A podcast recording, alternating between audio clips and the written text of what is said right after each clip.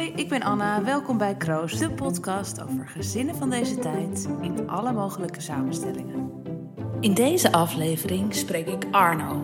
Arno en zijn verloofde Jeremy hebben twee zoons, Jonas en Fabe.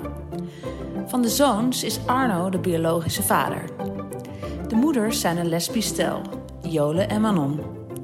Sinds een jaar hebben ze niet alleen twee zoons, maar ook nog twee dochters, Roos en Mara. Van die dochters is Jeremy de biologische vader. De moeder van Roos en Mara is Marianne, een alleenstaande moeder. De gezinsvorm van Arno ken ik goed en ze zijn echt een voorbeeld voor mij geweest. Als ik naar hun gezin keek, dacht ik vaak: het is alleen maar meer. Meer moeders, meer vaders, meer liefde, meer tijd. Maar voelt dat voor Arno ook zo? Luister mee. Zo kan het dus ook.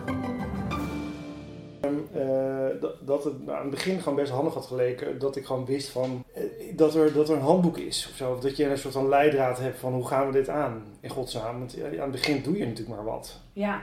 Er is een wens en daaruit ontspruit zich een soort van idee en dat mengt zich met elkaar. Elk, individu van het hele gezin heeft daar natuurlijk ook weer ideeën over. Ja. Dus we hebben het gewoon veel meer op gevoel gedaan. En van hoe klikt het en matcht het en gaan we het gewoon zo op die manier doen. Ja, dus, Dus, jullie eh, hadden, had je eigenlijk iets van een voorbeeld? Nou, nee. Eh, nee, ik had, ik had, in mijn moeder had ik als voorbeeld.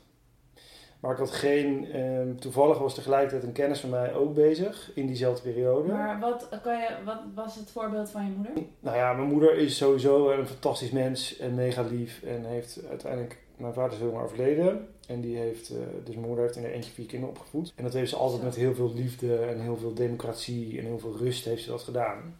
Dus ik heb aan mijn jeugd gewoon echt geweldige herinneringen. Eh, mijn broers en zussen, daar ga ik super goed mee. Het, is, was, het was altijd warm, alles was mogelijk. Maar wel in overleg binnen gewoon de grenzen van het normale. Dus dat, dat idee had ik altijd. En ik, ik, was natuurlijk, ik wilde wel heel graag kinderen, ooit.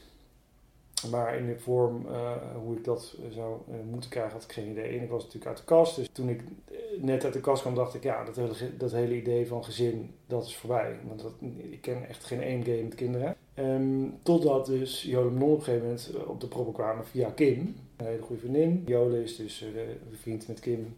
En Jole Manon die waren toen op een gegeven moment, nou, een jaar of zes, zeven bij elkaar. En die eh, wilden graag een kindje. Dus die zijn een beetje gaan inventariseren in de vriendenclub van zijn er jongens die een kinderwens hebben. En zo ben ik er eigenlijk bijgekomen. Dus het is heel erg op mijn pad gekomen. Ik ben helemaal niet bewust ernaar op zoek geweest of gegaan. En ik heb ook altijd gedacht dat als ik kinderen krijg, dan komt het gelukkig gaat het op deze manier. En dan ge- gebeurt het ergens terloops met een soort van... Oké, dus dat gevoel had je wel. Dus, Ja.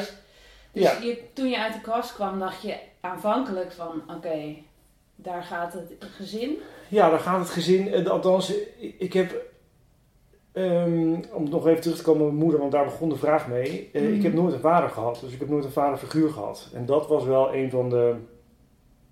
Dat was wel een van de moeilijke eh, dingen als we het ook hebben over moeilijke processen tijdens het hele kinderkrijgen gebeuren. Dat ik geen vadervoorbeeld had. Ik had wel ooms en ik had, eh, ik, heb, ik had wel vrienden en vrienden met vaders en vriendinnen met vaders. Maar ik heb nooit Ehm, en natuurlijk uiteindelijk mijn stiefvader, maar die kwam er pas bij toen, toen ik 16 was. Althans, ja, 15, 16. En die hele jeugd, waarin je dus gevormd wordt tot wie je bent, dat heb ik allemaal met mijn moeder gedaan. En, mijn twee zussen en nog een jonger broertje. Dus we hadden heel veel vrouwelijke energie in ons gezin. En dan was ik daarnaast ook nog eens homo. Dus toen ik dus aan het hele ouderschap begon, had ik dus en ik voor mijn moeder. En dacht ik wel van ja, er zijn al twee moeders. Dus, dus wil eigenlijk moet ook nog een soort van vaderlijke energie erin brengen. En Manon en Jole wilden heel graag een vader voor, voor het kind. En die wilden graag dat ik een actieve rol ging krijgen. Maar niet 50-50, maar dan een dag in de week en een weekend in de maand. Want was dat hun voorstel? Dat was hun voorstel. En ik had aanvankelijk dus zoiets van, nou, ik ga gewoon doneren en dan kijken we waar het schip strandt. En toen, dat heb ik kort gedacht. En daarna dacht ik, nee, het is toch wel leuk als ik gewoon mijn eigen kinderen heb en op kan voeden en mee kan opvoeden. Mhm. Ehm, maar ik had daarnaast, was ik toen nog vrijgezel. Ik had een carrière die ik heel erg ambieerde. Ehm, dus ik wist wel dat ik niet 100% de kinderen wilde hebben. Ja. Snap je? Dus de constructie die Jolemenon toen voorstelde, die vond ik helemaal fantastisch. Daarvan dacht ik, oké, nou, stop. Dit kan ik Dit, aan. nou, nee, dat, dat dacht ik helemaal niet. Nee. ik dacht wel van dit gaat gewoon gebeuren. Dus we gaan, we gaan dit met z'n allen aan dan, en dan zie ik wel. Ja. Ja, je hebt geen idee. Je hebt Nee. echt geen idee totdat je eerste kind geboren wordt wat het behelst. Nee.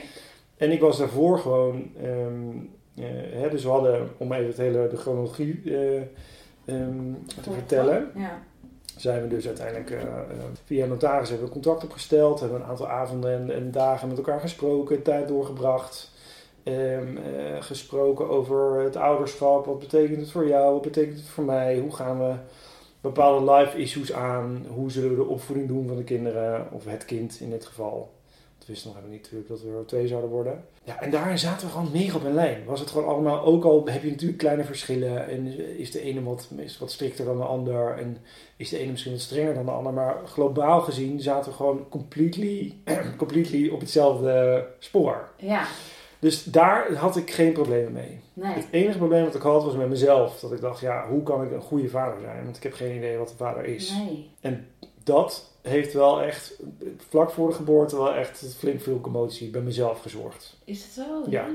Oh. Ja, ik ben echt helemaal van de rel geweest. Want ik had toen net, eh, ik, had, ik kreeg toen mijn non dus zwanger was van Jonas, kreeg ik een relatie met Jeremy. Ja. En eh, dat was gelijk vlam in een pan en superleuk en eh, een dikke mik. Maar wel dusdanig dikke mik dat ik dacht, oh my god, straks als het niet werkt, dan hebben we wel een kind. En het kind moet dan Jeremy weer leren kennen. En Jeremy moet dan weer klikken met Johan Manon. En, en dan word ik ook nog vader. En ik was nog bezig met in opleiding komen tot kinderarts. Dus dat was ook echt een best wel een heftig traject. In de zin van gewoon solliciteren en goed je best en hard werken. Eh, en dan komt in één keer dat vaderschap om de hoek kijken. Waarbij er heel veel unsolved business was. Gewoon, puur omdat ik gewoon niet wist. Ik wilde graag anticiperen op de rol. Wat ik zou gaan worden. Maar ik kon het niet. Voor mijn gevoel. En je kreeg dus eigenlijk opeens ook een nieuwe rol Ik kreeg een nieuwe Van- rol als vriend. als In, vriend. oh, en als, in plaats van kennis van Jolan Manon werd ik de vader van het kind. Dus kreeg ik ook daar meer verantwoordelijkheden in. En ik kwam in diezelfde periode ook een opleiding tot kinderarts. Dus ik had een soort van, in een kwartaal had ik drie enorme live events gaande. Waar ik, waarin ik me gewoon graag wilde wapenen om gewoon alles gewoon goed stabiel en rustig te laten verlopen. Maar dat ging echt compleet 180 graden de andere kant op. Ik wist het gewoon niet meer. Het was echt gewoon een, een berg van live events Ja. die, eh, Ja, waar je middenin zat. Ja. Daar zat ik middenin. En dat, en dat vond ik. En Ehm, hoe uitte zich dat? ehm, nou, dat uitzicht met name. Gewoon, ik heb, toen, ben- ik heb toen met Jeremy gesproken en ik heb toen uitgemaakt. Ik heb tegen hem gezegd: ik kan het niet en ehm, ik wil het niet. En terwijl ik het wel gewoon heel graag wilde, maar gewoon, ik kon het er niet bij hebben. En Jerry, die, geloofde het niet, die vertrouwde het niet. Die zei: Ja, Daag, eh, eh, dit, dit, kan niet, dit kan, niet, kan niet waar zijn dat je dit nu zegt. Want wel, ja, ik had het, de week daarvoor had ik hem de sleutel van het huis gegeven. Had ik gezegd, kom gewoon bij mij, het wordt allemaal prima. We zijn ook een weekend weg geweest, wat heel gezellig was. Dus ik, ik weet het niet. Ik was het gewoon helemaal verloren. En ik dacht alleen maar, dat kind moet, dat kind moet gewoon geboren worden. En zodra het kind er is, kan alles weer een beetje zo hersteld worden. En kan het weer een beetje gewoon inklinken. Mhm. Wordt er gewoon een nieuw straatje gebouwd. En dan, dat moet dan, ja, dan moet een aantal regenbuien overheen gaan om het zo te Ja. zeggen. En dan moet het weer een beetje zo gaan. En Manon, die waren, ik was ook natuurlijk heel erg bezig met hoe eh, verhoud ik me dan naar Jolan Manon toe. Want zij wilde heel graag, eh, eh, ik mocht bij de bevalling zijn, wat super lief was. Ze, ze betrokken me mega bij eh, de geboorte. We hebben zelfs nog gezegd dat ik de eerste dagen nog eh, gedeeltelijk bij lang in huis zou zijn om, de hele eh, overgang mee te maken. Maar er zat in mij ook een soort van gevoel dat ik dacht, ja, ik moet ook afscheid nemen. Ik moet me vooral niet te veel hechten, want anders word ik helemaal gek. Weet je, ik moet mijn leven zonder kind moet ik ook hebben. Maar tegelijkertijd moet ik ook hechten. Als vader moet ik mijn rol als vader goed invullen. Eh, Echt- en daarnaast, complex. ja, het was heel complex. En daarnaast moest ik ook nog soort van mijn verhouding naar Jola Manon, dat ik me niet te veel opdrong. Want dat vond ik ook, daar was ik ook doodsbang van dat ik dat zou doen. Dat ze me juist weg zouden stoten. Wat ze natuurlijk nooit hebben gedaan. Dus ze zijn echt in alle tijden altijd heel welcoming geweest en heel eh, open daarin. Maar ja, dat waren gewoon wel momenten dat ik, dat ik het gewoon even niet meer wist. En dan had het heel fijn geweest ehm, als ik iemand had gehad die hetzelfde meemaakte.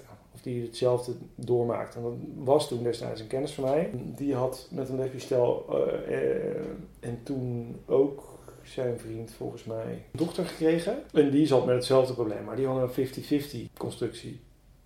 En wat bedoel je dan met hetzelfde probleem? Hetzelfde probleem als zijn uh, hoe verhoud je je tot de moeders, je mhm. relatie verandert. Um, hoe word je vader? Wat is dan je vaderrol? En hoe afgemeten is die? En uh, wat pik je wel van de ander? Wat pik je niet? Dat heeft me wel geholpen in gesprekken met hem. Hebben me wel heel erg geholpen om de boel te relativeren. Dus dat, mhm. dat was wel fijn. Dus uh, hij vertelde je eigenlijk dat zij ook moeilijkheden had. Of ja. zijn moeilijkheden ook gewoon...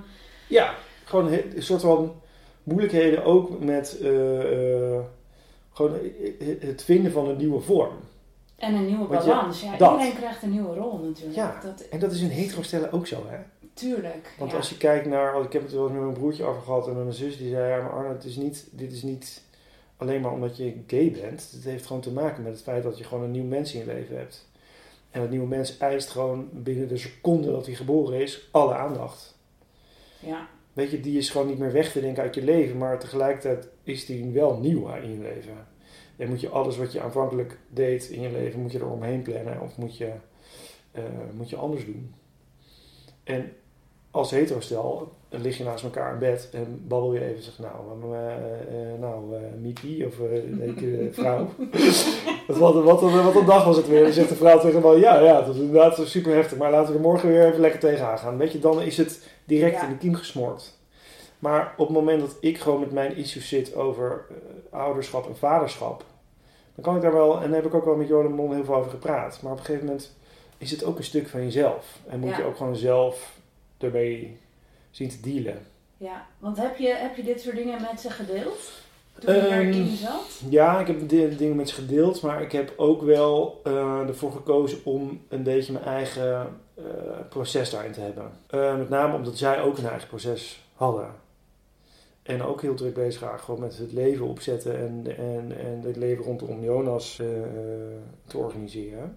Mm -hmm. Dus um, ja, ik heb, ik heb niet mijn allerdiepste zielenroerselen met ze gedeeld. Maar ik heb wel degelijk gezegd van nou, uh, uh, is het oké als ik er nu kom? Of ben ik te veel? Of uh, hoe vinden jullie dat het gaat? En we hebben sowieso elke maand hadden we aan het begin een soort van evaluatie. Dat heeft niet heel lang geduurd, maar we hebben een evaluatie gedaan. Waarin we gewoon oh, met elkaar bespraken. Gingen we eten en kletsen even van hoe vinden jullie dat het gaat? Hoe loopt het allemaal? Wat goed. Heel goed. Ja, ja. Dat, was heel, dat was heel fijn. En dan weet je ook dat dat moment komt. Dus als je ergens ja. mee zit, ja. dan dan, dan is in kan je dat, dat vertellen. Je, je deadline, ja. zeg maar, van... dan dat moet eruit, ja. Maar er zijn natuurlijk ook dingen waar je mee zit, waar, waar je van denkt van, ja, moet ik hier nou een issue voor maken? Ik ben meer van harmonie en meer een beetje zo kijken van, van ja. nou, past dit, ja. dit goed? Ja, en als het echt me tegen de borst uit, dan zeg ik het. Ja.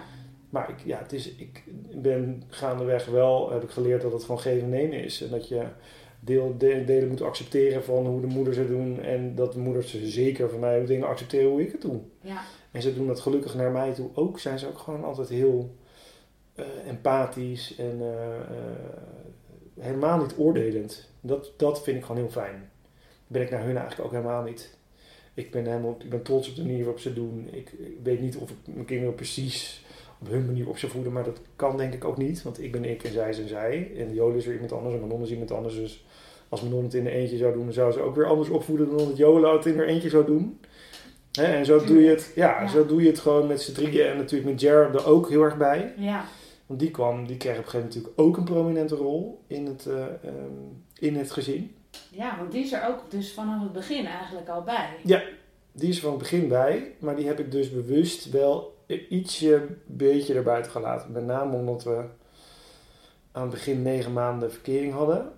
En dat die hele, uh, voordat Jonas dus geboren werd, die week uit elkaar was voor hem echt, nou voor mij ook wel, was echt verschrikkelijk. En het heeft ook wel echt een smet geslagen het eerste jaar dat we, um, uh, ja, dat we, dat we die relatie hadden. Mm Maar dat heeft ja, dat, ik, ik dacht wel van ja, dit moet, dit moet echt lang stabiel blijven. Wil ik, wil ik volledig alles kunnen geven. Mhm. Maar dat heeft ook dus weer te maken met mijn jeugd. Omdat ik gewoon niet wist hoe het is om een relatie te hebben. Weet je, ik had, geen, ik had daar ook geen voorbeeld. Mijn moeder was alleenstaand. Ehm en ehm, die on, hè, natuurlijk, eh, zoals ik net al noemde, mega betrokken, super lief. En ik kan me echt geen betere moeder wensen, dat meen ik echt. Ehm, maar uh, ruzie maken bijvoorbeeld, dat deden we, deden we bij ons thuis nooit. En uh, met Jer had ik af en toe wel woordenwisselingen en oneenigheden. En dacht ik, ja, is het dan een teken van een goede relatie of niet? Hebben we nou een ruzie of hebben we geen ruzie? Of uh, is dit dan, gaat het dan uit of niet? Weet je dat soort dingen. Ja. Nieuwigheden in een relatie. Natuurlijk. Ja, Ja, Daar, en als je dan daarnaast nog een kind hebt, die je alle stabiliteit wil bieden, dan wil je eerst dat je relatie gewoon heel stabiel is, voordat je je helemaal volledig mengt in, hè, met je relatie. We zijn nu zeven jaar bij elkaar gaan trouwen, dus dat is helemaal een dikke mik. En hij heeft zich echt fantastisch opgesteld. Hij heeft heel erg op de achtergrond gehouden. En hij zegt, is het oké okay als ik meega? Hij heeft altijd gevraagd, is het goed? En op het moment dat hij er was, gaf hij gewoon full pool energie aan de jongens. Doet hij nog steeds. Ze zijn dus echt gek is- op hem ook, Ja, hè? Ja, gek op hem. Ja, superleuk. ja, dus Dat, is, dat is ook helemaal, helemaal top. Dus eh, ja, dus dat, dat gaat dus in de, in de. Het waren meer mijn hele schermutselingen met eh, het aangaan Ja. van lange relatie, het uit ouderschap, vaderschap, wat gewoon voor mij die hele periode best wel woelig gemaakt heeft. Maar prachtig. Ik zou het niet anders hebben gedaan. En het was een hele emotionele tijd ook. Ik heb heel veel gehuild en ik heb heel veel gepraat. Ja, het was, het was ook echt een periode van volwassenheid of zo, volwassen worden. Dus ja, daar, ik, dat, ja, zo is dat een beetje gegaan in die Mhm. tijd. En nu is het allemaal, weet je, nu Jonas 6 en is er uiteindelijk eh, Faber natuurlijk erbij gekomen. want Die kwam relatief snel erbij. Dat is Ja. een zeker verschil. Ja, dus dat is echt een soort rijdende trein die... Ik weet nog dat we hadden besloten van zullen we een tweede kind eh, zullen gaan beginnen of het lukt om een tweede kind te krijgen. Wanneer hadden jullie het daarover gehad? Was het al vanaf Het ging met Jonas al echt, ehm, ondanks hè, mijn hele eh, emotionele gebeuren, ging het met Jonas en ons ging het supergoed. En het was een verbeeldende baby. Mhm. Lachte zich de bal uit zijn broek, was heel erg extravert en lief en schattig. Ehm, dus dat was heel fijn. Dus het was heel gauw, kwam de vibe om een soort van een tweede, eh, om te kijken of het kon lukken om een tweede kindje erbij te krijgen. Het idee was dus dat we eerst eh bij Manon baby eh, hè, zou kijken of het ging lukken om- daar een kindje van te krijgen. Nou, dat is dus natuurlijk gelukt. Eh, en dan zou daarna Jolen aan de beurt zijn. Want dat wilden ze. Ze wilden allebei heel graag een kind dragen. Dus dat was van tevoren wel een beetje het plan. Van Ja. meteen al twee kinderen, Maar- En ook twee dus van, allebei de moeders. als het zou lukken, allebei de moeders. Ja. En dat vond ik prima. Ik had daar geen mening over. Ik dacht, ja, als ze maar gezond zijn en als ze maar gewoon goed doen, dan is het allemaal oké. En eh, nou, ja, dat was dus zo. En toen werd Faber geboren in het Boven ziekenhuis. Daar was ik ook bij. Eh, bij Manon was het dus een keizersnede. Eh, en bij Jolen is het gewoon via de normale manier gebeurd. En toen heeft, heb ik samen met Manon, heeft Manon het hoofdje gepakt en ik zo mijn handen erop. En toen hebben we het gewoon met z'n tweeën, met z'n tweeën geboren laten worden. Wauw, Ja. Ja, dat geweldig. was echt zo mooi. Ik in opleiding was tot kinderarts en ik deed net mijn stage op de neonatologie. Dus ik had gigantisch veel geboortes al gezien. En eh zei ze, nou, eh, ja, jullie kunnen het. Dus eh, ik ben erbij en pak het hoofdje maar. Hij zei, echt, echt, ja, ja. En nou, toen is hij zo, is hij geboren. Ja, dat was zo'n mooi moment. Wauw. Ja, dat was echt waanzinnig. Ja, dat was heel cool. En toen was Jonas was dus bij, bij Open Oma. Moet je nagaan, Jonas was dus een half jaar. Toen, ja, Mm, nee, wat zeg ik nou? Zeven maanden. Zeven maanden toen al zwanger was, ja. Uit. Jeetje, dat ging echt wel Correct rap eh, door. ja, dat ging rap door, ja. Ja, maar dat, ook aan voor... mijn- dat we onze- jullie dat ik het dus. aan mijn familie... Ja, ook Want voor jij ons. was dus net een half jaar eigenlijk vader. Ja, Eh, nou, misschien wel iets minder. ja. En toen dachten jullie van, nou ja... Ja. Oh ja, ook omdat je natuurlijk niet wist hoe lang het zou gaan Ja, duren. niet, want we hadden wel bedacht dat als het, als het zo zou lukken, dat we dan in onze ge- gezinsvorm, dat het fijn zou zijn dat die kinderen dicht op elkaar zouden zitten, omdat ze dan elkaar hebben in tijden van lijpheid. en meer van, het, het, Ja. het zou sowieso, eh, ze zouden sowieso dan hè, bij mij komen logeren en bij eh Jan en Non dan komen wonen. Maar ja, ze hebben dan wel toch een beetje twee huizen. Dus dan is het fijn dat je wel een partner in crime hebt die, waar, je mee, hè, waar je mee dit soort dingen kan ondernemen. En dat, dat pakt er dus fantastisch uit. Dat Zo- is Jonas echt en zo, vader ja. zijn, zijn echt de dikste maten ooit. En die zijn echt zo dik- dikke broers, dus dat is helemaal top. Ja, dat is zo lief. Ja, leuk hè? Dit is je beste vriend. Is- Ja. ja. ja, heel schattig. Echt Ja. heel schattig. Dus ja, en dat ging dus gewoon allemaal heel goed. En ehm eh, Jode was ook, had gewoon best wel een oké zwangerschap. En eh, nou ja, toen is dus vader geboren. En toen hadden we dus in één keer twee. Ja. Maar dat, eh, dat moment dat je, dat je dus besloot, of jullie eigenlijk besloten van nou, oké, we gaan weer beginnen met insemineren Ja. eh, voor het tweede kindje. Deelde je dat met anderen? Ja, met ik Met Jer. natuurlijk, ja. En met mijn moeder heb ik het gedeeld. Dus En ik heb, ik heb eigenlijk alle, ik heb eigenlijk alle, alle uh, dus ik heb heel veel met mijn moeder erover gepraat. En, en heel veel eigenlijk. Ik, heb, ja, ik ben daar best wel open over geweest. Um, met mijn nichtje, die, uh, die ook een hele goede vriendin is van me, met Lin, Kim, Janneke, uh, Roy. Uh, nou ja, allemaal vrienden van mij die daar allemaal, die dat allemaal zeiden van ja, weet je jongen, als je dat wil doen, ga ervoor. En nu kan het nog en nu ben je gezond en je zit in een vibe, dus doe het dan maar nu. En mijn moeder zei, mijn moeder was altijd, die, die zei van, nou, weet je, het is, het is allemaal goed wat je doet, maar bedenk wel dat je een kind krijgt weer. Je krijgt een tweede kind. Dus ook voor dit kind zorg dat je het contract hebt. Zorg dat je alles goed in orde hebt. Zorg dat je je financiën op orde hebt. Zorg dat je gewoon je leven, hè, dat je leven gewoon door kan gaan met het kind erbij. En dat, dat je dus beseft dat je weer een tweede verantwoordelijkheid erbij krijgt. En dat, ja, dat, is altijd, dat is een heel fijne tip geweest. Omdat, niet dat zij alleen maar daarvoor heeft gezorgd, maar wel, ze gaf daarbij wel aan van ik sta erachter en ik vind het allemaal goed en dat vond ik heel belangrijk. Um, uh, maar zorg wel dat je het goed regelt. Want een kind is niet zomaar een cadeautje of een, of een gift of een prul wat je hebt. Het is gewoon een mens wat je mag opvoeden. Mm -hmm. En het is niet van jou, het komt voort uit jou, maar je moet er met z'n allen gewoon voor zorgen dat je kind zo onbekommerd mogelijk leven krijgt. En zich zo maximaal mogelijk kan ontwikkelen. En um, nou, die gesprekken hadden we toen gevoerd en Jer uh, zei op een gegeven moment van ja, moet, je, moet het nou wel... Want Jolen en ons argument waren met name, stel dat het nou zo lang duurt,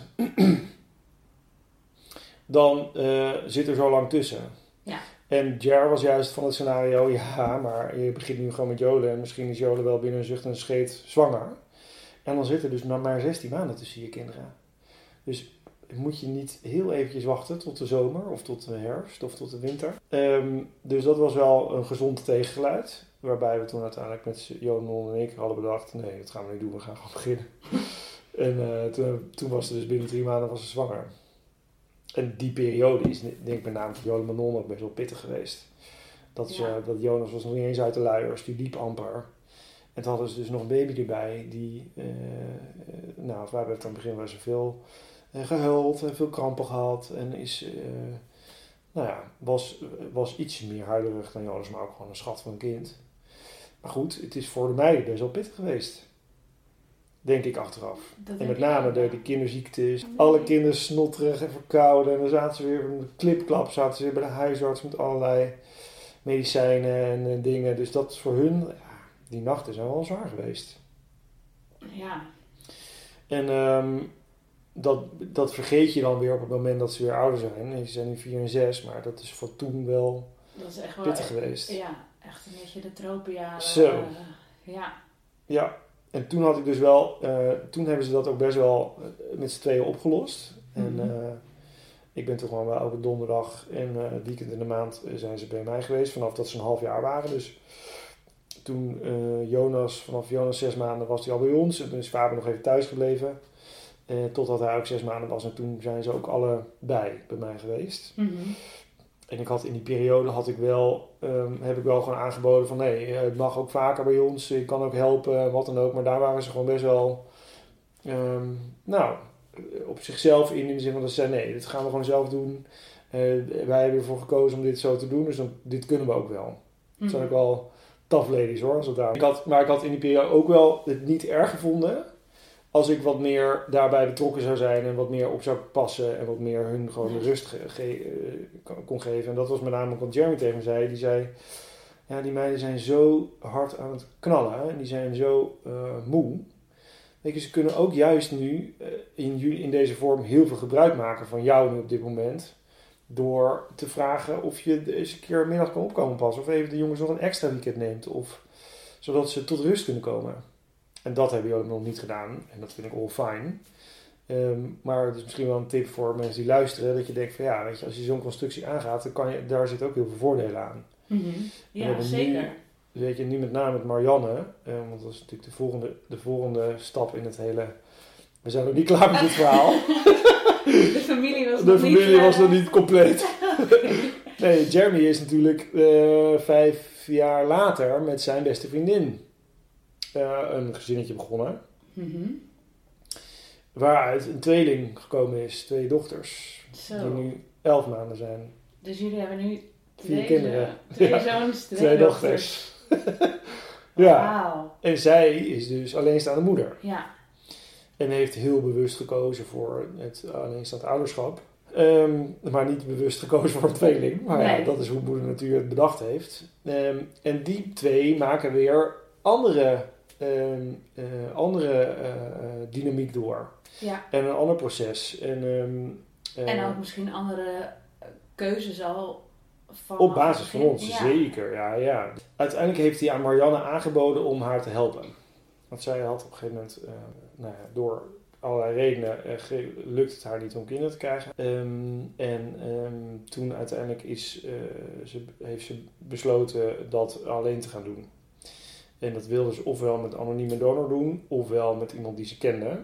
Maar nou ja, dat viel toen gewoon ter sprake. En dat was tijdens een avondje stappen dat Marianne dat echt in één keer allemaal aan Jared verteld. en Jared die, ehm, heeft toen in een soort van opwelling tegen haar gezegd van ja, maar ja, ik kan je toch gewoon helpen. En eh, nou, dat was toen allemaal, werd een beetje als een soort van bom gedropt. En um,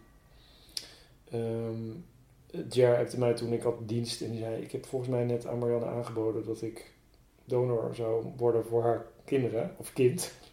En ik was toen een nachtdienst, volgens mij zat ik ergens in het AMC. Dus ik heb die, ja, dat moeten we doen, superleuk. En dat maakt allemaal niet uit. The more the merrier. Dat ja, ik kom zelf uit een gezin van vier. Mijn ouders hebben vroeger een pleeggezin gehad. Dus ja, het maakt mij echt niet uit. Weet je, we kunnen nog wel tien kinderen erbij nemen. Dat vind ik allemaal goed. Uh, en we vinden daar wel een weg in. dus zo zei ik ook tegen Jer. En Jer is iets meer berekenend en iets meer uh, uh, ingecalculeerd. En dat is ook heel gezond en goed in onze relatie. Um, uh, maar ja, de, de, de, de, de, de wil was er. En uh, Marianne heeft daar toen over nagedacht en heeft toen gezegd: Dit wil ik heel graag.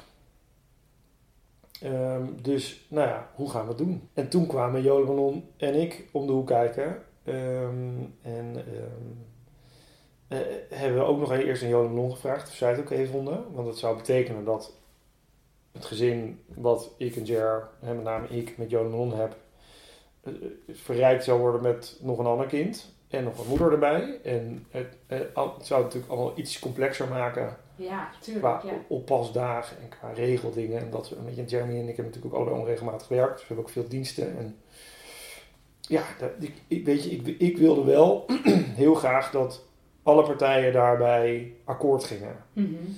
En ook al kan je dat misschien niet vragen van ze, maar we hebben dat toch gedaan. En uh, zo, ja, Johan Mon was allemaal prima. Zei natuurlijk, en uh, ja, wie zijn wij om dat uh, te, te, te, te boycotten of te, te, blokken? Natuurlijk doen we dat niet. Um, maar denk wel na over uh, hoe, het, hoe het dan gaat worden.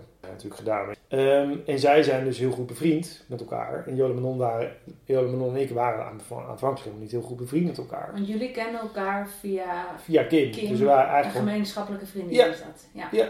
En we waren, we waren, we waren, we waren gewoon kennissen. En uh, heel veel mensen vroegen mij, ook voordat ik aan, uh, uh, met hem aan de kinderbegon, zei ja, maar het zijn helemaal geen vriendinnen van je. En hoe, hoe, hoe, hoe, kan je dan daar aan beginnen? Je kent ze helemaal niet.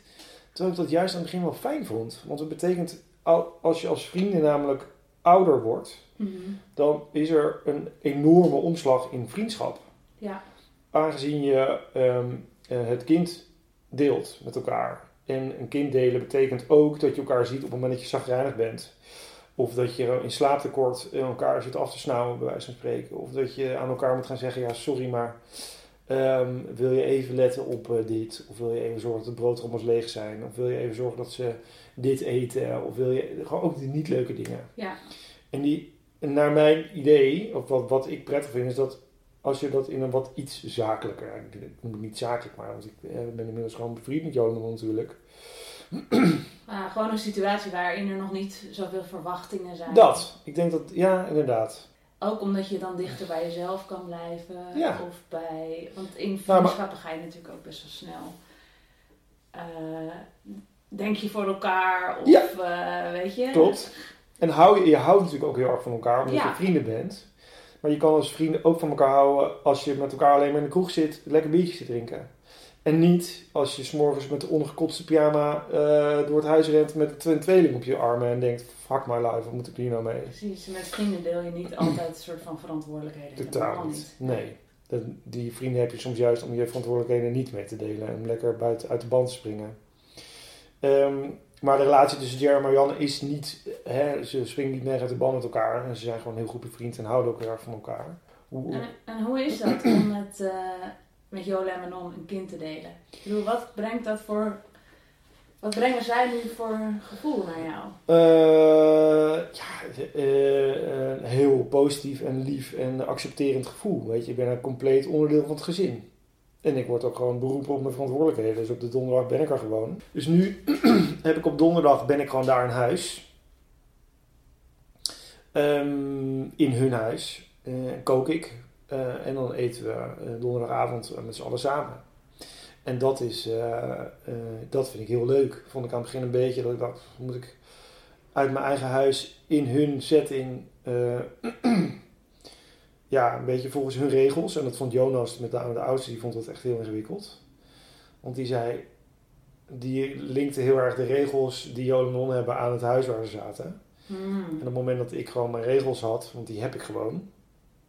Ik heb niet dezelfde regels als, jo als Jolan Manon, omdat ik gewoon, eh, ja, ik ben vader. En, ja, het, loopt gewoon anders. Ja, je weet het ook niet precies natuurlijk Nee. allemaal van elkaar. Nee. Nee. Maar goed, daar had ik dus aan het begin wel behoefte aan. Dat ik dacht, ja, wat zijn dan, wat zijn dan de regels bij Jola Manon? En wat zijn dan mijn regels? En kloppen die wel? Maar dat vond ik dus, dat was een van de issues die ik heel moeilijk vond. Met name voor de continuïteit van zorg voor de kinderen. En gaandeweg heeft Jole en Manon hebben me gewoon geleerd van, ja, lieverd, weet je, jouw regels zijn jouw regels. En daar hebben de kinderen zich maar gewoon aan te, aan te passen. En eh, als jij er bent, ben jij de baas. En als wij er zijn, zijn wij de baas. En als we met z'n drieën zijn, dan vindt zich wel weg. Ja, En dat vond Jonas met name aan het begin heel ingewikkeld. Die wist niet wat hij mij aan moet. Die, dacht, die ging mij enorm zitten testen.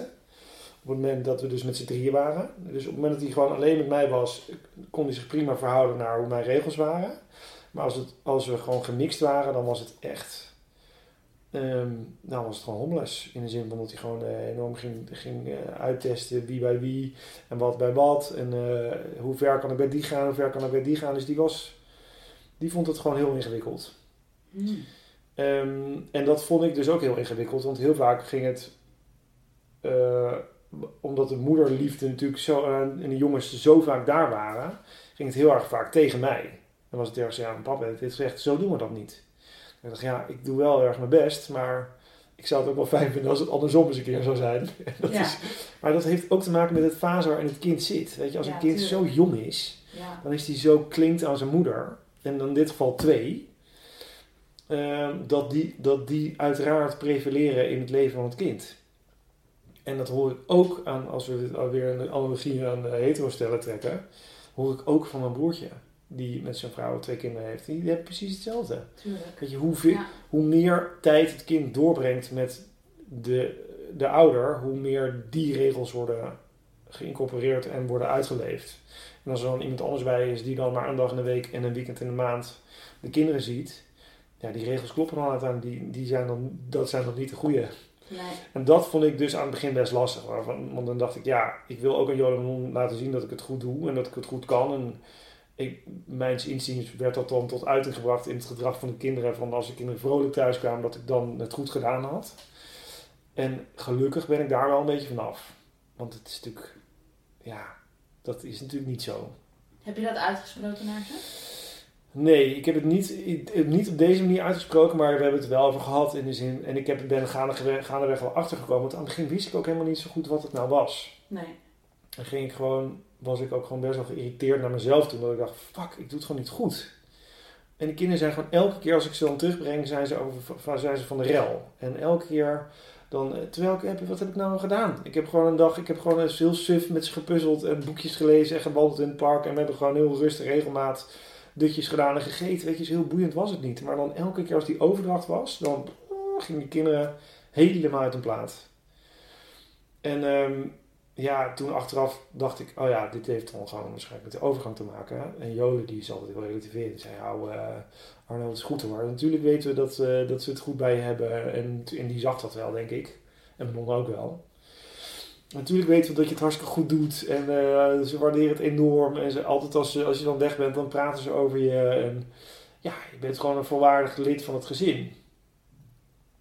En dat vond ik wel fijn om te horen, ja. Ja. En ik denk misschien achter in de retrospectoscoop had ik het wel, had ik het misschien met ze moeten bespreken. Maar ik vond het ook eng om, het- om het met ze te bespreken.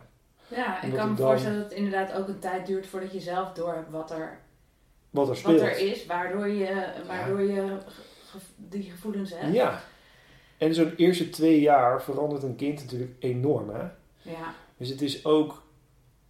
ehm, qua psychologie verandert een kind heel erg. Qua hechting verandert een kind heel erg.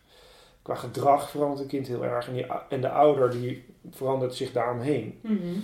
Ehm, dus dan is het soms inderdaad pas dat je achteraf denkt: hé, hey, dit was er aan de hand. ja, En nu is er, eh, dit, dit is dan nu niet meer actueel. nee. En dan is het ook makkelijker om erover te praten. Ja. ja, ik kan me ook voorstellen dat, dat het ook iets te maken heeft zeg maar, met de, de rol die je hebt. Wat je zegt van, ik ben een volwaardig lid van het gezin. En dat, dat ben je natuurlijk ook. Maar ook in de hele aanloop er naartoe eh, moet je met best wel veel onzekerheid omgaan. Ja. Zeker als man, Ja. toch, in, dit, in dit traject. Klopt. En hoe heb je dat gedaan? Ehm, nou, ik heb het heel veel met jaar over gehad. We hebben heel veel gepraat over. Ehm, eh, En jullie hebben dus iets van een contract ja, ja, ja, ja, zeker. Ja, dat Ja. hadden we dus sowieso. En wat voor dat- dingen stonden daarin? Ik bedoel, hoeven niet helemaal de ju- juridische taal, maar Nou, meer dat het wel ging over, oh ja, we hebben het, financiële stuk bijvoorbeeld. Ja. Ehm, omdat ik toen best wel een onzekere financiële eh, situatie had. En ik ook geen gezeik, en Johan Mon daar ook geen gezeik over wilde. nee. Hebben we toen heel erg besloten, oké, finan- financiën zijn primair voor Johan en Mon. En dat geeft ook heel veel rust. Want dat betekent, ik, ik, ik stort elke maand een bedrag op de re- spaarrekening van de kinderen. Zodat als ze studeren, dan komt er wat vrij. Ehm, en eh, verjaardagen, Sinterklaas, et cetera. Dan haal ik natuurlijk en ik koop eten. En, eh, vooral op de donderdag is het eh, gewoon mijn kosten, denk ik, of zo. Ja, dat hebben we niet heel veel duidelijk. Maar om, voor die onzekerheid was qua financiën, hebben we dat toen, toen zo gezegd. Mhm. Qua gezag hebben Johan ook gezegd, omdat wij het merendeel van de opvoeding hebben. Eh, omdat drie ouders geen gezag kunnen hebben en wij getrouwd zijn, is het dus automatisch dat Johan en Non gezag hebben. Maar dat heeft ook wel weer rust gegeven in de zin van dat ik dacht, oké, weet je, zij bepalen dus met z'n tweeën, zij hebben de final part. Ik mag adviseren, maar dan is het zo dat zij gewoon nu bepalen hoe ze het Hm. willen. En als zij dus een bepaalde school voor de kinderen willen, dan, en, en ik word er altijd mee, werd er altijd in meegenomen, dan, ehm, als ik het nou compleet niet mee eens was geweest, had ik dat natuurlijk gezegd. Ja. Maar alle keuzes die ze tot nu toe hebben gemaakt, daar ben ik, sta ik gewoon compleet achter. Weet je, de, de, de, de scholen die ze hebben gekozen, de, dat ze naar Weesp zijn verhuisd, eh, weet ik veel, eh, eigenlijk Super alles. fijn. Ja, heel fijn. Want Maar het als- als kan natuurlijk ook compleet verkeerd gaan. Ja, want eigenlijk best gek toch dat er niet drie ouders gezag mogen hebben. Ja, heel gestoord. Of misschien wel vier. Ja, Of, eh, dat is heel ja. raar. Dat is heel gek. En Eh, vond je dat pijnlijk? Ja, ik heb dat, ik heb dat wel. ehm, ik heb me, ik, ja, ik vond het wel pijnlijk. Ik heb daar wel. eh, ik heb daar wel negatieve emoties over gehad. Dat ik dacht van ja. Het is fucking oneerlijk eigenlijk. Ik ben. eh, eh, als, ik het, als ik mezelf zou willen degraderen. dan zou ik me nu gewoon kunnen degraderen tot een spermabank. Ja. Die leuk gezellig met de kindertjes heen en weer hobbelt. Oh fijn, papa komt ook nog even een dagje op donderdag. Hoeven wij eh, niet extra vrij te regelen. Ehm, en eh, hij heeft geen gezag, dus we kunnen lekker onze gang gaan. Ja. Dus, dus dat Zo is wel dat- iets wat, je, wat er speelde ook gewoon in, jou, in je hoofd. Je wist misschien wel dat Op, die... op, op negatieve periodes in mijn... in- hè, soms dan kan je een beetje niet lekker in je vel zitten. Dan kan je het op die manier kan je het betrekken op jezelf. Ja, zo, zo moet je het zien. Ja. En Maar eh, ook al weet je dat eh, de intenties van Jolem Manon niet zo zijn, is dat wel eigenlijk wat de, de wet soort van ja, zegt op dat moment. ja, Dus die stem is in die zin ook ergens wel legitiem. Ja. Je moet volledig vertrouwen op, op wat zij gaan doen. zeker. En als zij dus eh, er vandoor willen en ze willen naar Maastricht of ze willen naar, weet ik veel, Bonaire gaan verhuizen, heb ik niks te zeggen. Kan ik, ik niks. Als zij een bepaalde behandeling, eh, stel Jonas eh, of de Faber, die worden heel erg ziek. En ehm, ja, ze moeten een bepaalde, bepaalde behandeling ondergaan wat zij belachelijk vinden. En ik vind dat volledig oké. dan kunnen ze gewoon hun gang gaan. Hm. Ja, en dat is dus het hele grote vertrouwensdeel wat je... Ja, Wat wat je je dus voor- ook allemaal moet doormaken eigenlijk in die... Ja, Ja, waar je dus middenin zat, terwijl je die hele lage lijfdefense over je heen geklieperd kreeg. ja. Ja, best pittig hè? Zeker, dat is echt veel, ja. Ja, ja. nu ik het er zo over heb, denk ik, ja, dat is inderdaad wel een heftige tijd geweest. en dat is natuurlijk als je, als je denkt van, oké, aan de ene kant is het fijn dat het niet super eh, goede vrienden nog zijn van mij. Ja, Als je dat aangaat, maar je moet ze wel volledig kunnen vertrouwen. En je kan zeggen, ja, dat moet je natuurlijk sowieso wel als het om zij moeten mij natuurlijk ook volledig kunnen vertrouwen. Ja, Weet je, ik, voor hetzelfde, als ik helemaal een maligne type was geweest, was ik op donderdag was ik ze met naar Schiphol gegaan en was ik eh, naar Egypte gevlogen, bij wijze van spreken. Ja, had gekund. Had gekund. Weet je, Ja. het is natuurlijk een wederzijds vertrouwen. ja, En dat is wel iets wat we elke keer hebben uitgesproken van ja, dit doen we gewoon omdat we elkaar gewoon 100% vertrouwen. En vertrouw je ook gewoon. Het feit dat ik bij die bevalling mocht zijn, dat is het meest intieme wat een stel ondergaat. Daar was ik gewoon bij. ja, Ja, dat is natuurlijk gewoon de greatest gift. En dat heeft voor mij wel heel veel betekend dat ik er wel bij was. Want we hebben alle drie aan de bakermat van de, onze kinderen gestaan. ja. Ja, dat is natuurlijk dat is het mooiste wat er is. Super mooi, ja. En ook een heel mooi grondvest of een mooi fundament om gewoon je, je, je, je, hè, het opgroeien van je kind eh, mee te starten. Ja, Het begint heel gelijkwaardig eigenlijk. Zeker, ja. Ja, En het, en, het, en het gaf voor mij gewoon heel veel waarde. Want ja, ze vertrouwen mij dus gewoon volledig. Weet je, als ik het meest intieme ge- levensgebeurtenis mee kan maken van hun. Hè, behalve dan dat ze ge- geïnsemineerden, daar was ik niet bij. maar eh, hè, dan eh, de geboorte van je kind, ja, dan, dat betekent dus dat ze, dat ze dit echt willen. ja, En dat ze echt willen dat ik erbij ben. En dat ik dus niet zomaar word gebruikt als spermabank. Ja. En Jeremy is dus ook bij de geboorte van, van zijn dochters geweest. Ah, he- heb je hem daarin ook eh, Ja. gezegd van, ah, dat is echt... eh, Ja. Nou, niet. Ik heb, niet, ik heb niks, niks opgedrongen, denk ik. Maar ik heb wel tegen hem gezegd, ja, zorg wel dat je erbij bent. Want het is gewoon zoiets moois. En het is zoiets gaafs om te zien dat je, dat je kinderen geboren worden. Dat Ja. geeft zoveel meer hechting dan dat je je kind pas een week later ziet, bij wijze van spreken. ja, En ook om Marianne te helpen, die was natuurlijk alleen. Dus moedige periode geweest Ja, voor ja, jou daarvoor. ja, ja, En toen het moment dat hij er was. ja. Wat gebeurde er toen met jou? Toen heb ik alleen maar gehuild. Toen moest ik alleen maar huilen. Dat was echt Ja? normaal. Ja, het was zo mooi. Het was echt niet normaal. Maar ja, nee, ik was, ik was, ik was, ik explodeerde. Ik ben helemaal, ik heb volgens mij in die periode nog nooit zoveel vrienden gezien, eh, gedronken, echt, ik heb amper geslapen. Ik was helemaal, eh, ik, was, ik was bijna manisch gewoon. Zo mooi vond ik het. En het was toen dus, ehm, maar het was ook mooi omdat ik gewoon dacht, het gaf me ook gewoon heel veel rust of zo. Ik dacht, hij is er. Dus nu kan al die onrust die ik in mijn lijf heb, die kan eruit. Want het is gewoon goed en hij is gezond. En eh, met Jolan Manon gaat het goed. En het is een prachtige baby. En nou ja, het was toen ook in die periode, dat, het was net die week, dus had ik het dus uitgemaakt met Jeremy. Die week. Ja, de week voor de, geboor, voor de bevalling. Dus ik, en de eerste die ik dus belde toen Jonas geboren werd, was Jeremy. Ik zei, hij is geboren, hij is... En Jeremy zei, komt nu naar het OVG. Dus die is om half twee, of ik weet niet hoe laat het was, is hij naar het OVG gesjeest. En hebben we elkaar soort van innig omhelst bij de eerste hulp. En toen dacht ik ook, oké, ja, dit, is dit, dit kan dus ook weer of zo. Want ik, ik, ik was nog lang niet klaar met Jer. Ik was Nee. nog lang niet klaar. En ik, Wat groots ook van hem, dat hij ook gewoon meteen... eh, unbelievable. Ja. En ik ben ook diezelfde avond, eh, heb ik op zijn deur geklopt en ben ik bij hem gaan pitten. dus het was, ja, toen, toen, toen viel alles op zijn plek. ja. En ik weet nog dat ik met mijn moeder en mijn stiefvader had ik het over. Mijn stiefvader zei, Arno, doe niet zo gestrest, joh. Weet je, je- het is, het, is een, het is een kind, maar het is geen, weet je, het is geen derde wereldoorlog die uitbreekt. Even, je moet een beetje kalm aandoen. Komt al, het komt echt allemaal goed. En dat klopte. Natuurlijk klopt het, maar je weet, van- je weet gewoon niet wat er gaat gebeuren.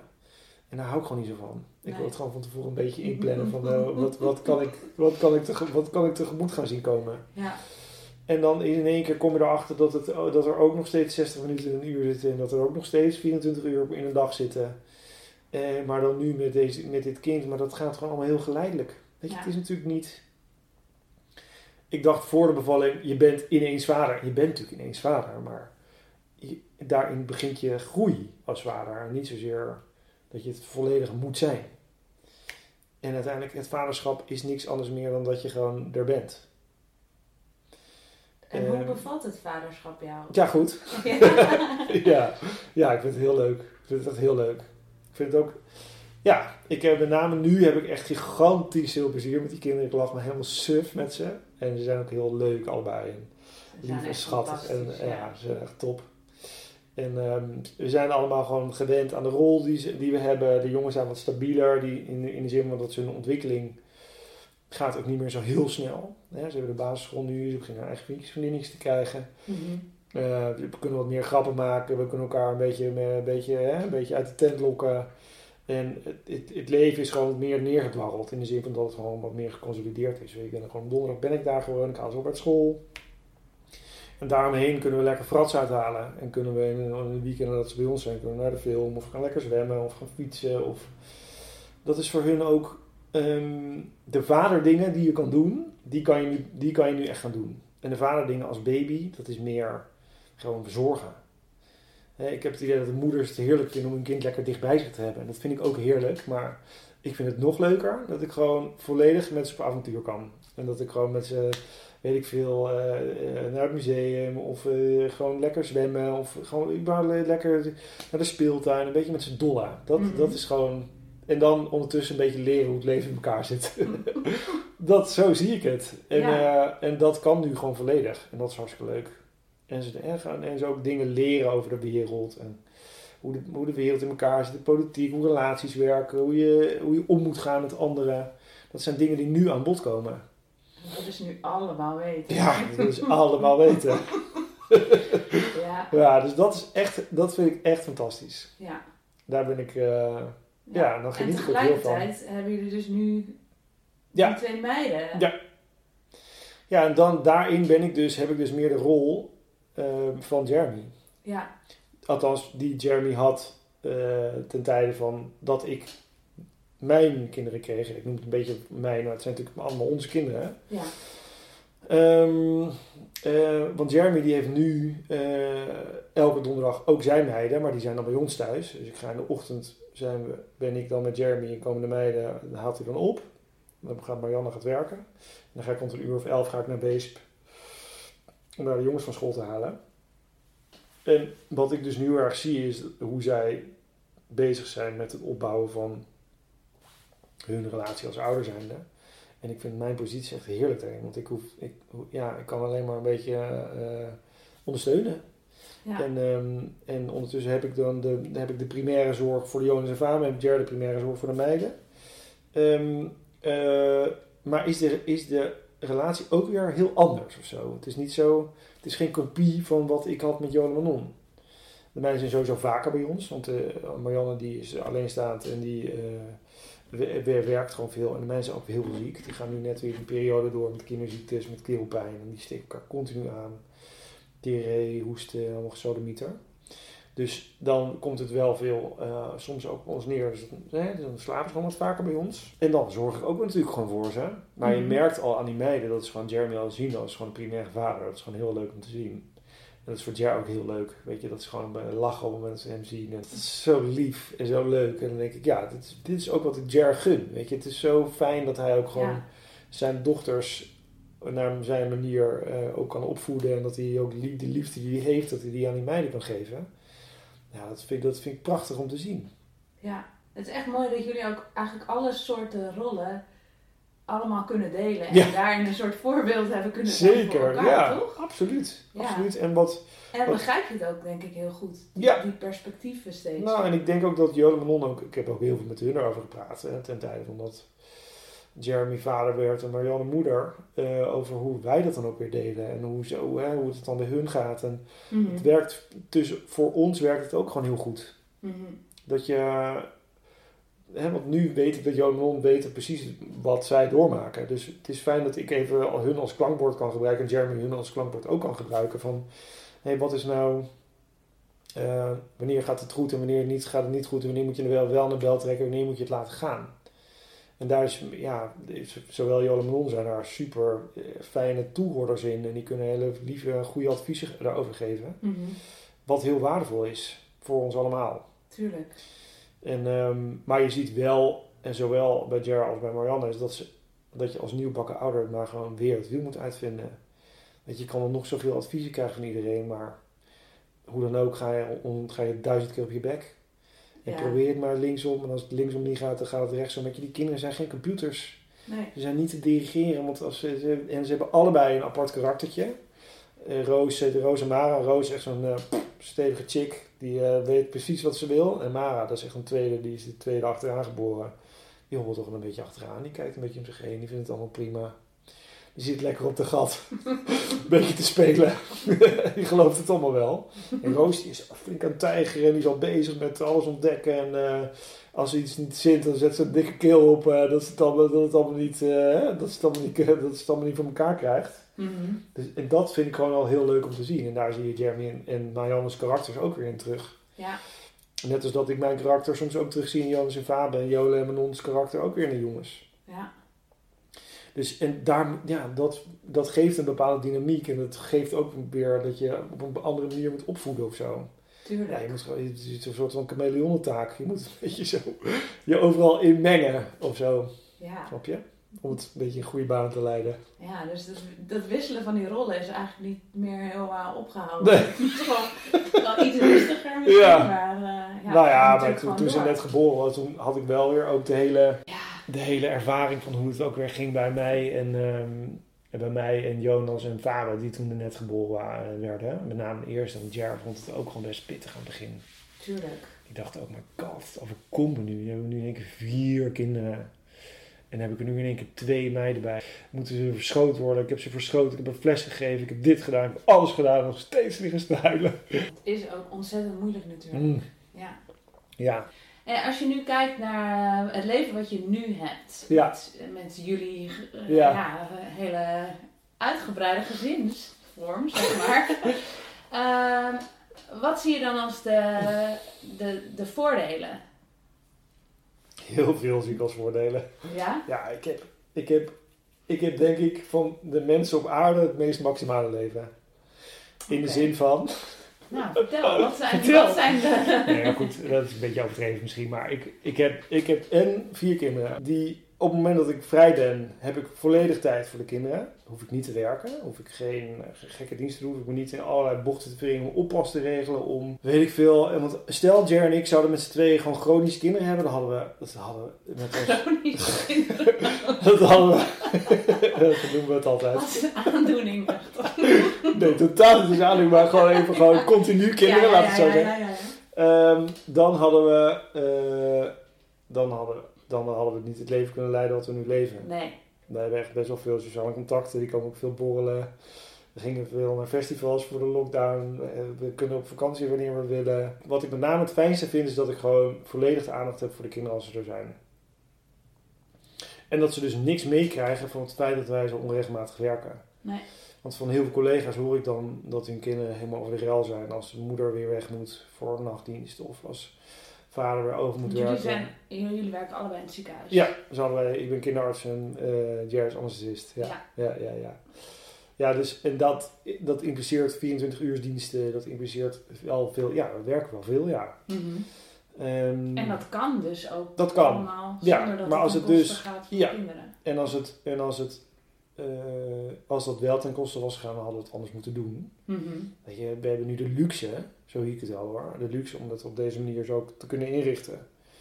Maar als we, eh, als we continu kinderen zouden hebben, chronisch, dan, eh, dan, eh, dan hadden we het anders ingericht. Dan Ja. hadden we er niet eens over na kunnen denken. Hè? Dus het is Nee. het feit dat we dit zo kunnen, kunnen we zeggen dat we er voordelen uit hebben. Ja. Ja. En dat hoor ik dus ook wel terug van vrienden van mij die dus eh, gewoon een ma- een mannetje en vrouwtje kinderen hebben. Die zeggen, gast, jouw leven is zo relaxed. Je hebt gewoon op donderdag de kinderen. Voor de rest ga je een beetje borrelen met iedereen. eh mee, kan je lekker sporten.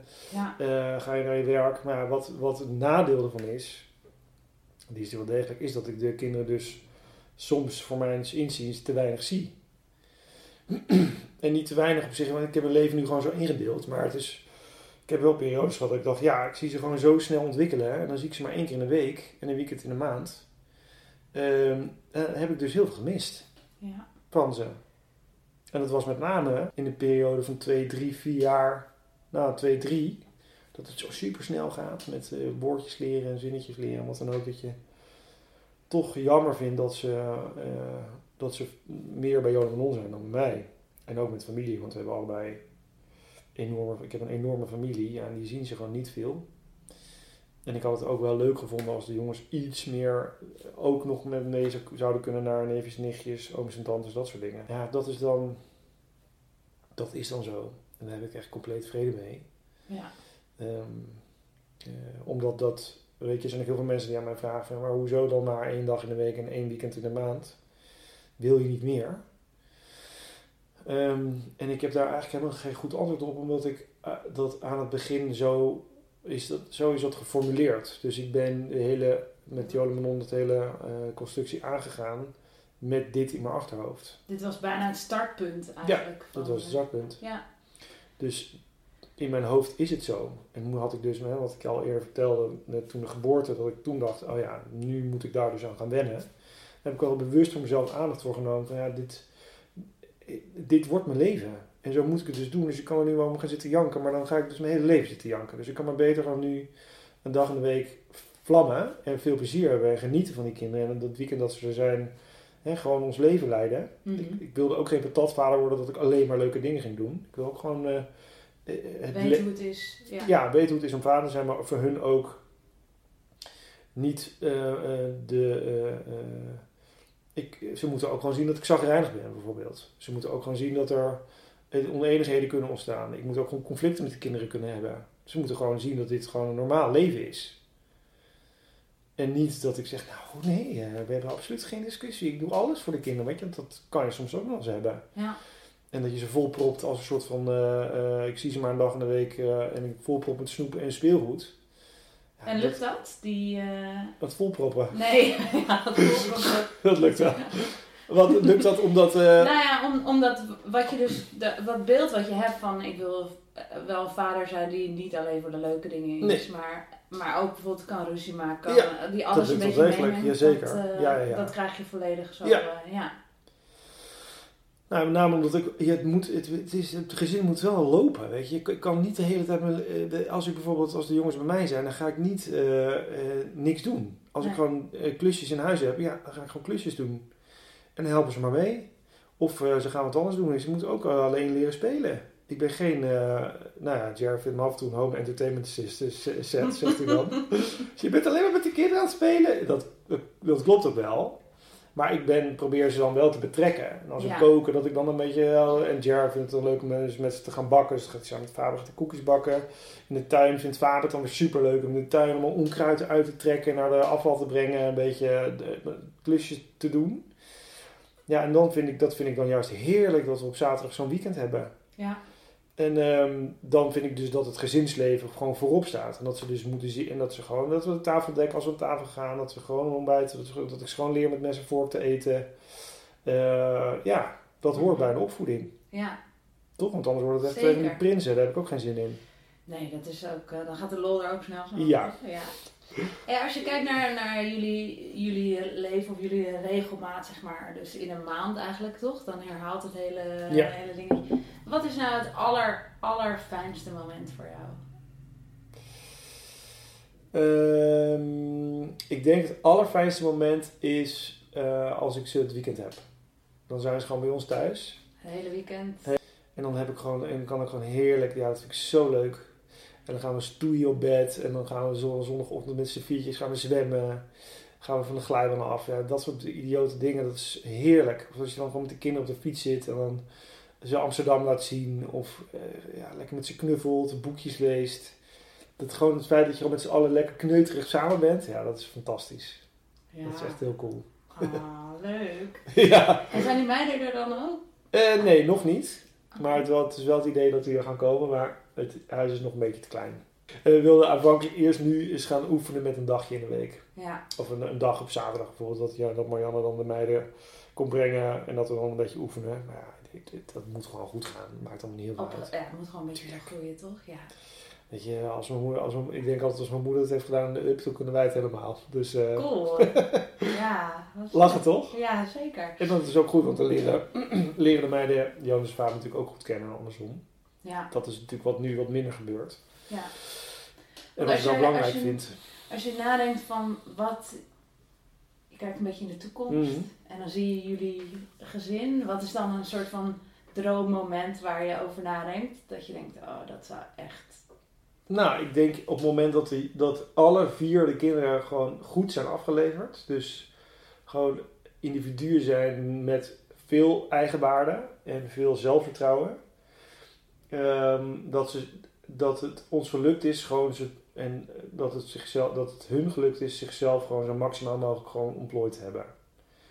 En ehm, dat ze gezond blijven eh, en dat we, ja, nou, je hebt natuurlijk altijd zo'n idee dat je dan met z'n allen als ze een jaar of 16, 17 zijn, met z'n allen bijvoorbeeld in een restaurant zit of zo, of in een kroeg zit, dat lijkt natuurlijk heerlijk.